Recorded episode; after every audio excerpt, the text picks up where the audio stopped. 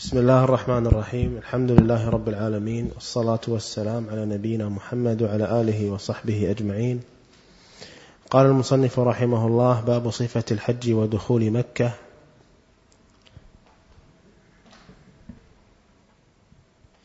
عن جابر بن عبد الله رضي الله عنه أن رسول الله صلى الله عليه وسلم حج فخرجنا معه حتى أتينا ذا الحليفة. فولدت أسماء بنت عميس فقال اغتسلي واستثفري بثوب وأحرمي. وصلى رسول الله صلى الله عليه وسلم في المسجد ثم ركب القصواء حتى إذا استوت به على البيداء أهل بالتوحيد. لبيك اللهم لبيك لبيك لا شريك لك لبيك إن الحمد والنعمة لك والملك لا شريك لك. حتى إذا أتينا البيت استلم الركن. فرمل ثلاثا ومشى أربعة ثم أتى مقام إبراهيم فصلى ثم رجع إلى الركن فاستلمه. ثم خرج من الباب إلى الصفا فلما دنا من الصفا قرأ إن الصفا والمروة من شعائر الله. أبدأ بما بدأ الله به. فرقي الصفا حتى رأى البيت فاستقبل القبلة فوحد الله وكبره وقال لا إله إلا الله وحده لا شريك له له الملك وله الحمد وهو على كل شيء قدير. لا إله إلا الله وحده أنجز وعده ونصر عبده وهزم الأحزاب وحده ثم دعا بعد ذلك ثلاث مرات ثم نزل ثم دعا. بعد ذلك ثلاث مرات ثم نزل إلى المروة إلى المروة حتى إذا انصبت قدماه في بطن الوادي سعى حتى إذا صعدتا مشى إلى المروة. ففعل على المروة كما فعل على الصفا فذكر الحديث. وفيه فلما كان يوم التروية توجهوا إلى منى. نعم. الحمد لله رب العالمين وصلى الله وسلم على محمد وآله وصحبه أجمعين. أما بعد كنا وصلنا في حديث جابر رضي الله عنه إلى قوله فلما كان يوم التروية توجهوا إلى منى. وقد حج النبي صلى الله عليه وسلم قارنا فلم يحل لأنه ساق الهدي. وأمر أصحابه الذين لم يسوقوا الهدي أن يحلوا فحلوا حتى قيل أو قالوا يا رسول الله أي الحل؟ قال الحل كله. قال فحللنا وواقعنا النساء يعني التحلل الذي بعد العمرة وهو تحلل المتمتع. حين ينتهي من العمرة يتحلل تحللا تاما. فلما كان يوم التروية ويوم التروية كما هو معلوم هو يوم الثامن من ذي الحجة. وسمي بالتروية لأنهم كانوا يروون يجمعون الماء ويهيئون الماء للحجيج. فسمي يوم التروية. فالذين حجوا مع النبي صلى الله عليه وسلم ومنهم النبي عليه الصلاة والسلام وكانوا قد ساقوا الهدي لم يحلوا. لأن من ساق الهدي فلا يجوز له أن يحل حتى يبلغ الهدي محله ويفرغ من النسك. أما الذين حلوا فجاءوا يوم التروية وأهلوا بالحج من مكة. وفي هذا دليل على أن المتمتع بعد أن يحل فإنه يوم التروية يهل بالحج من موضعه في مكة. أما العمرة فلا يجوز على أصح قولي العلماء أن يهل بالعمرة من مكة في حرمها بل لا بد أن يخرج إلى أدنى الحل. يخرج خارج الحرم. وهذا أصح القولين وتقدم البحث في ذلك. نعم. تفضل.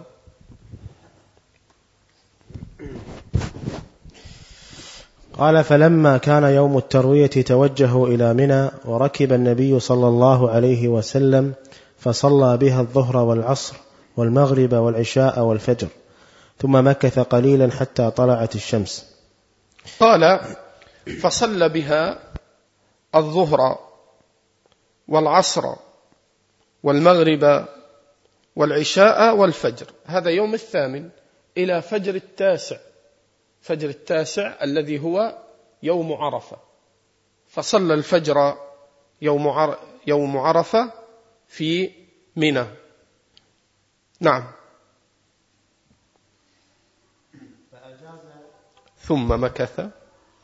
ثم مكث قليلا حتى طلعت الشمس فأجاز حتى أتى عرفة فوجد القبة قد ضربت له بنمرة فنزل بها حتى إذا زاغت الشمس أمر بالقصواء فرحلت له فأتى بطن الوادي فخطب الناس.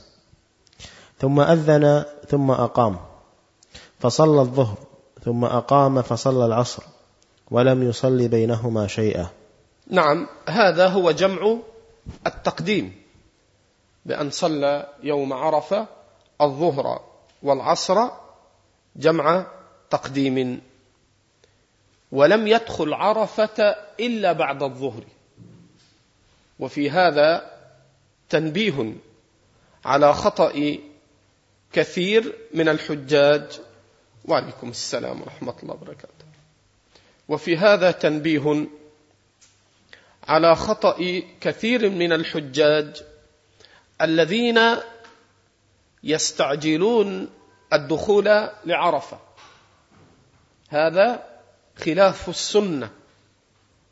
فإن النبي عليه الصلاة والسلام لم يدخل حدود عرفة إلا بعد الظهر وبعد أن صلى الظهر والعصر جمع تقديم.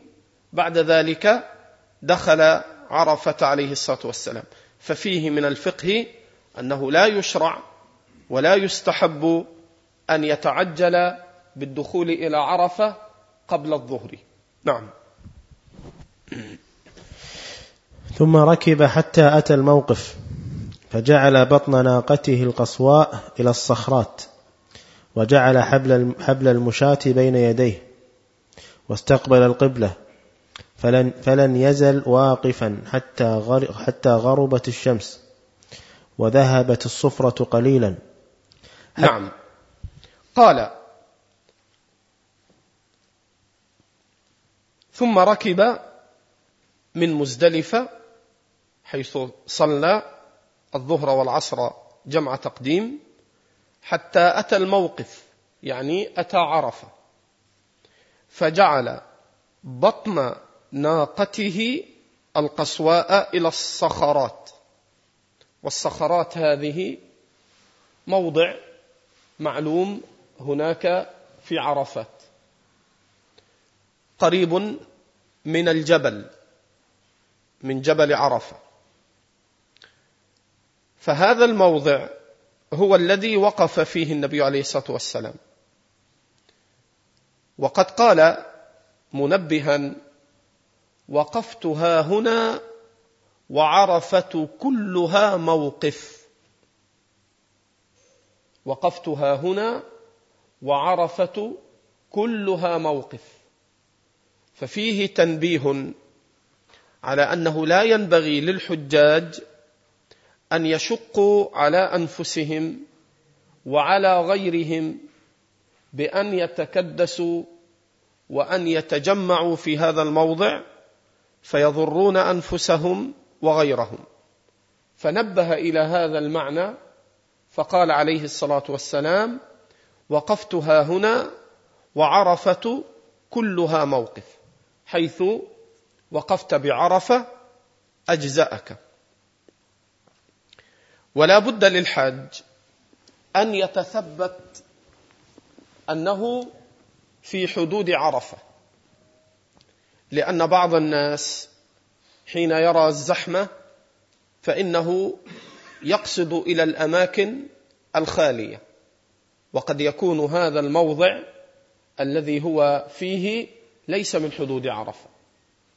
ولقد نبه النبي عليه الصلاة والسلام على ضرورة تثبت الحاج من أنه في حدود عرفة. فقال عليه الصلاة والسلام وارفعوا عن بطن عرنة. وارفعوا عن بطن عرنة. وعرنة موضع هناك وهو ليس من عرفات. فهذا يدل على وجوب التثبت من أنك قد دخلت حدود عرفة حتى لا تعرض حجك والعياذ بالله للبطلان. قال وجعل حبل المشاة بين يديه. حبل المشاة مجمع الناس. يكون بين يديه واستقبل القبلة. فيه أنه يشرع أن يستقبل القبلة ويدعو قال فلم يزل واقفا. هو عليه الصلاة والسلام كان واقفا على ناقته القصواء. فإذا كان الإنسان عنده سيارة وما أشبه ذلك فهذا معنى الوقوف.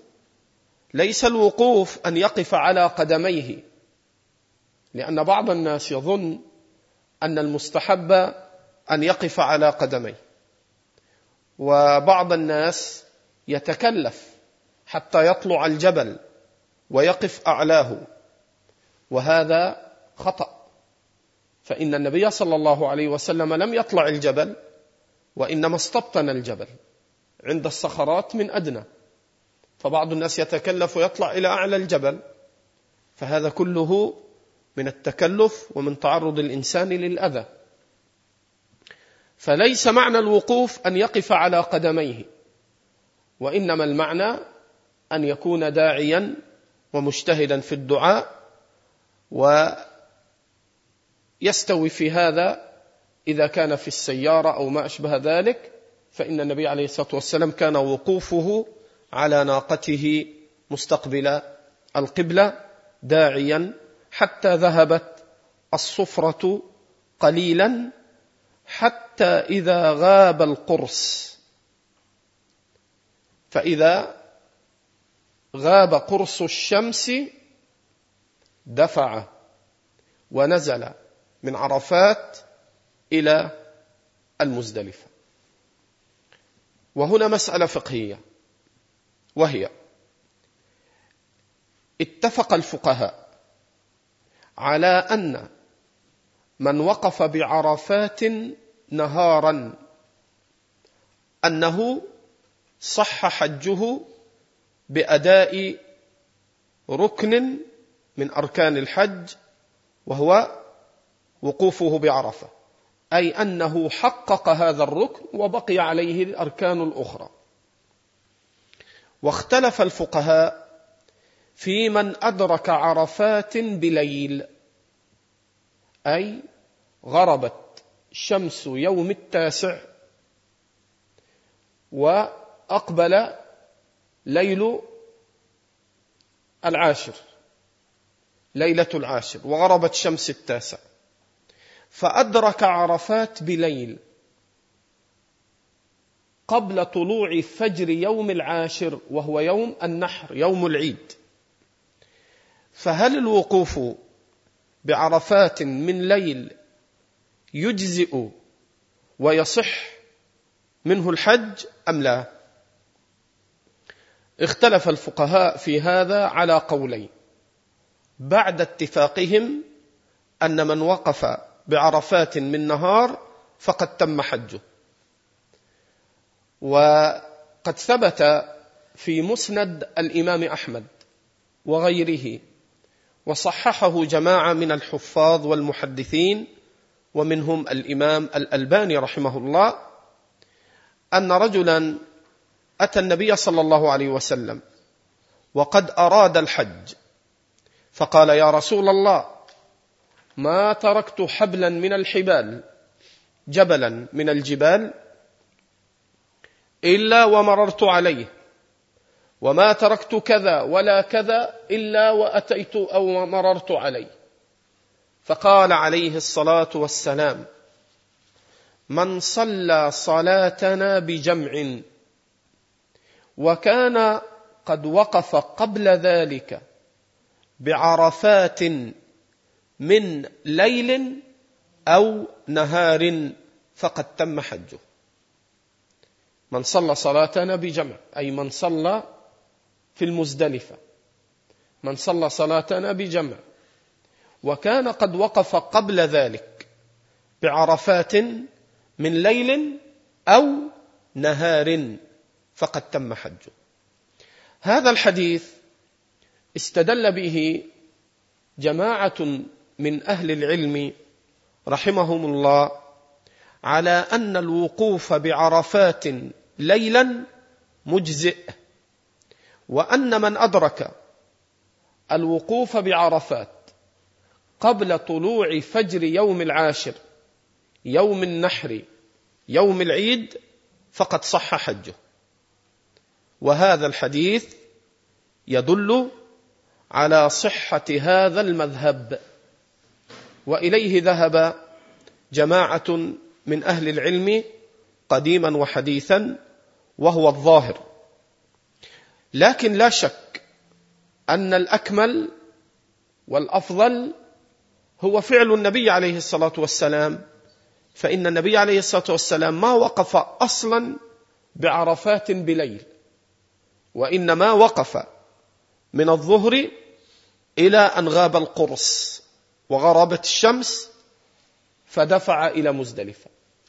فهذا هو السنة. لكن من فرط في هذا أو كان له عذر أو فرط فإنه لا شك أنه يجزئه أن يقف بليل. وإن كان إذا فرط أنه مقصر. وترك السنة بالوقوف بالنهار. هذا تحقيق مسألة من وقف بعرفات من ليل قبل أن يطلع فجر يوم العاشر. نعم. تفضل. مطلق مطلق وقوف. ما دام دخل حدود عرفة فقد وقف. ولو لحظة. لقوله عليه الصلاة والسلام من أدرك عرفات من ليل أو نهار فهذا مدرك.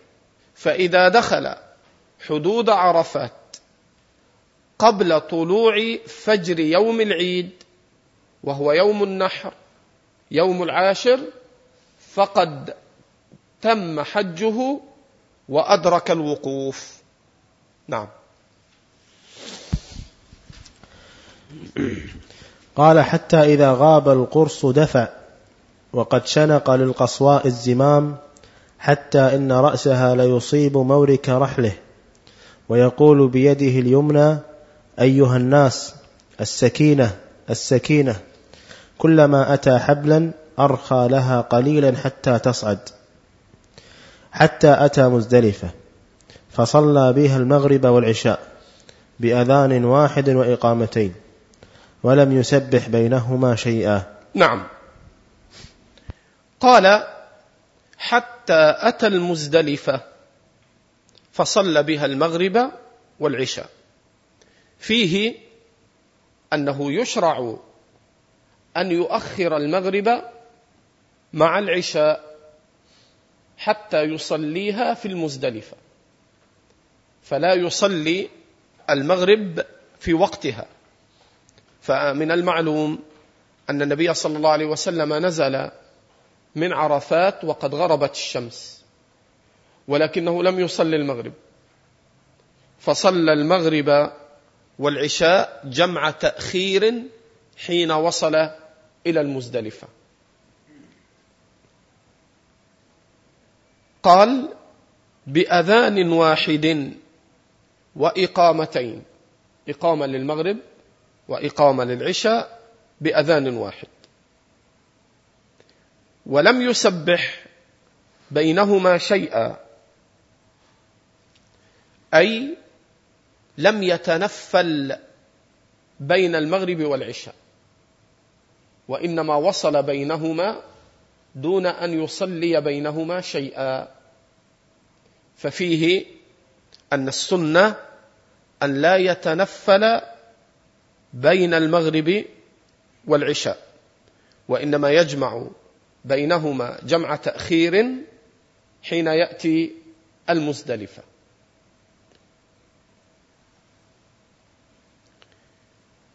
الآن من المعلوم أن نزول الحجاج من عرفات إلى مزدلفة فيه زحام شديد.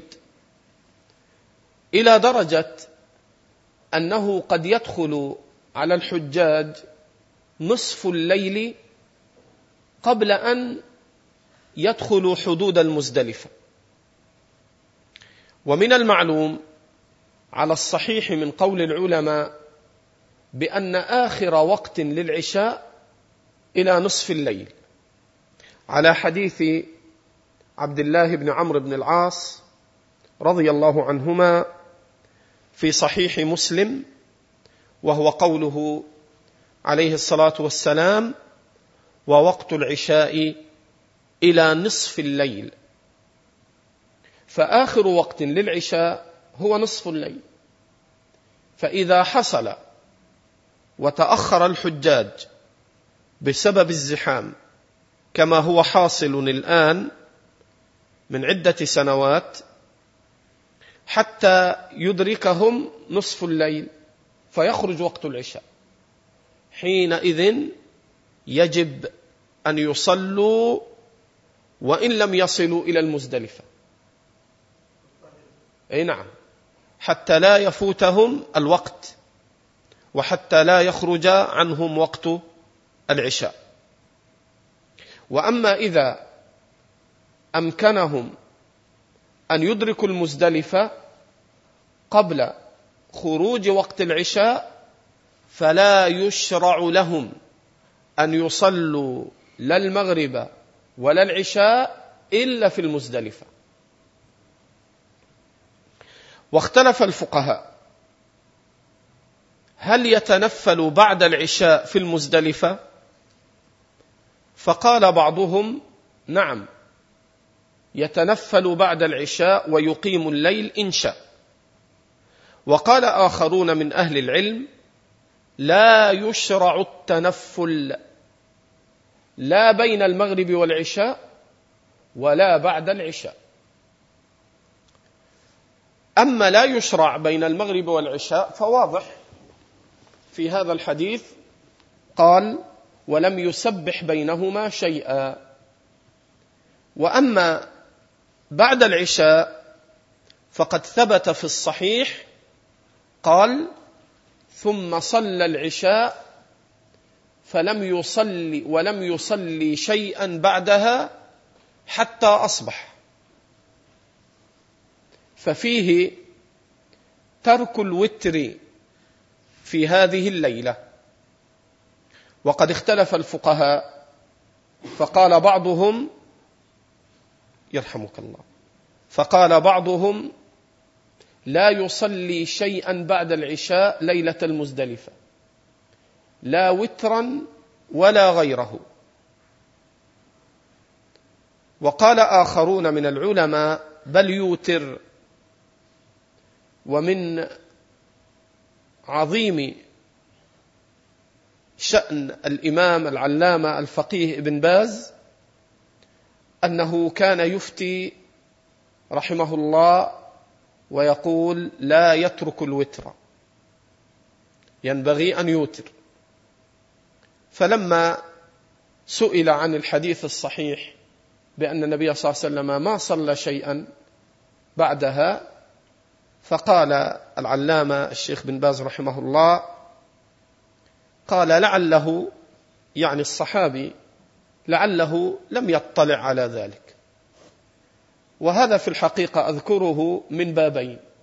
الباب الأول من همة الشيخ وحرصه على العبادة والطاعة ومن باب آخر أن هذا القول وإن كان قد قاله بعض أئمتنا لكنه في الحقيقة خلاف السنة. فإن الحديث الصحيح في هذا قوله عليه الصلاة والسلام حين أتى أو فعله حين أتى المزدلفة فقال الصحابي أنه لم يصلي شيئا حتى أصبح. إلا أني ذكرت هذا عن الشيخ بن باز تحفيزا للنفوس في الحرص على العبادة. والحاصل أنه لا يسبح بين المغرب والعشاء ولا يصلي بينهما شيئا كذلك بعد العشاء يترك الوتر وهذه الحالة الوحيدة التي فيها ترك النبي صلى الله عليه وسلم للوتر. وإن كان عليه الصلاة والسلام كان يوتر في السفر ويقيم, ويقيم الليل إلا في هذه الليلة. وهذا وجهه بعض الفقهاء هو أن ينشط الإنسان وأن يتفرغ لما هو أهم من إقباله في اليوم العاشر على طواف الإفاضة وعلى النحر وعلى الرمي فناسب هذا أن يعطي المكلف نفسه الراحة حتى يقبل على هذه العبادات وقد أعطى بدنه شيئا من الراحة ليستعين بها على إنهاء ما هو أعظم من الأنساك من الوتر وقيام الليل. نعم. قال حتى أتى مزدلفة فصلى بها المغرب والعشاء بأذان واحد وإقامتين ولم يسبح بينهما شيئا ثم اضطجع حتى طلع الفجر. فصلى الفجر حين تبين له الصبح بأذان وإقامة ثم ركب حتى أتى المشعر الحرام. فاستقبل القبلة فدعاه وكبره وهلله فلم يزل واقفا حتى أسفر جدا. نعم. المشعر الحرام. اختلف الفقهاء اولا ما هو؟ فقال بعض أهل العلم المشعر الحرام هو مزدلفة كلها. فمزدلفة كلها هي المشعر الحرام. وقال جماعة من أهل العلم المشعر الحرام هو موضع في المزدلفة. وليست مزدلفة كلها. وهذا الحديث يؤيد هذا القول فإن النبي عليه الصلاة والسلام أصلا كان في المزدلفة ثم وهو في المزدلفة يذكر الصحابي بأنه أتى المشعر الحرام. ففيه رد على بعض العلماء رحمهم الله حين ادعوا بأن المشعر الحرام مزدلفة كلها. هذا خطأ. وإنما المشعر الحرام هو موضع الجبل وهو موضع الجبل مرتفع قليلا عن سائر المزدلفة. هذا هو المشعر الحرام الذي يشرع لمن حج وهو في المزدلفة أن يأتي المشعر الحرام فيستقبل القبلة ويدعو ويكبر ويهلل ويوحد. ولا يزال واقفا حتى أسفر جدا فدفع قبل أن تطلع الشمس. ففيه أنه ينبغي أن يقف في هذا الموضع وأن يدفع بأن ينزل ويتجه من المزدلفة إلى منى قبل أن تطلع الشمس. فيقف حتى يسفر جدا يعني حتى يظهر الفجر والصبح جليا حتى تكاد الشمس أن تطلع. لكن قبل أن تطلع فإنه يدفع. وإنما فعل ذلك مخالفة للمشركين. فإن المشركين كانوا لا يدفعون إلا بعد أن تطلع الشمس. وكانوا يترقبون الشمس عند ثبير جبل ثبير فيقولون أشرق ثبير كيما نغير. فخالفهم النبي عليه الصلاة والسلام ودفع من المزدلفة. إلى منى قبل أن تطلع الشمس ولكنه أسفر جدا أي تأخر في المشعر الحرام حتى تبين الصبح جليا وكادت الشمس أن تطلع لكن قبل أن تطلع ينزل ويدفع من مزدلفة إلى منى. كم بقي؟ أذن؟ طيب نقف هنا والله أعلم. بارك الله فيك.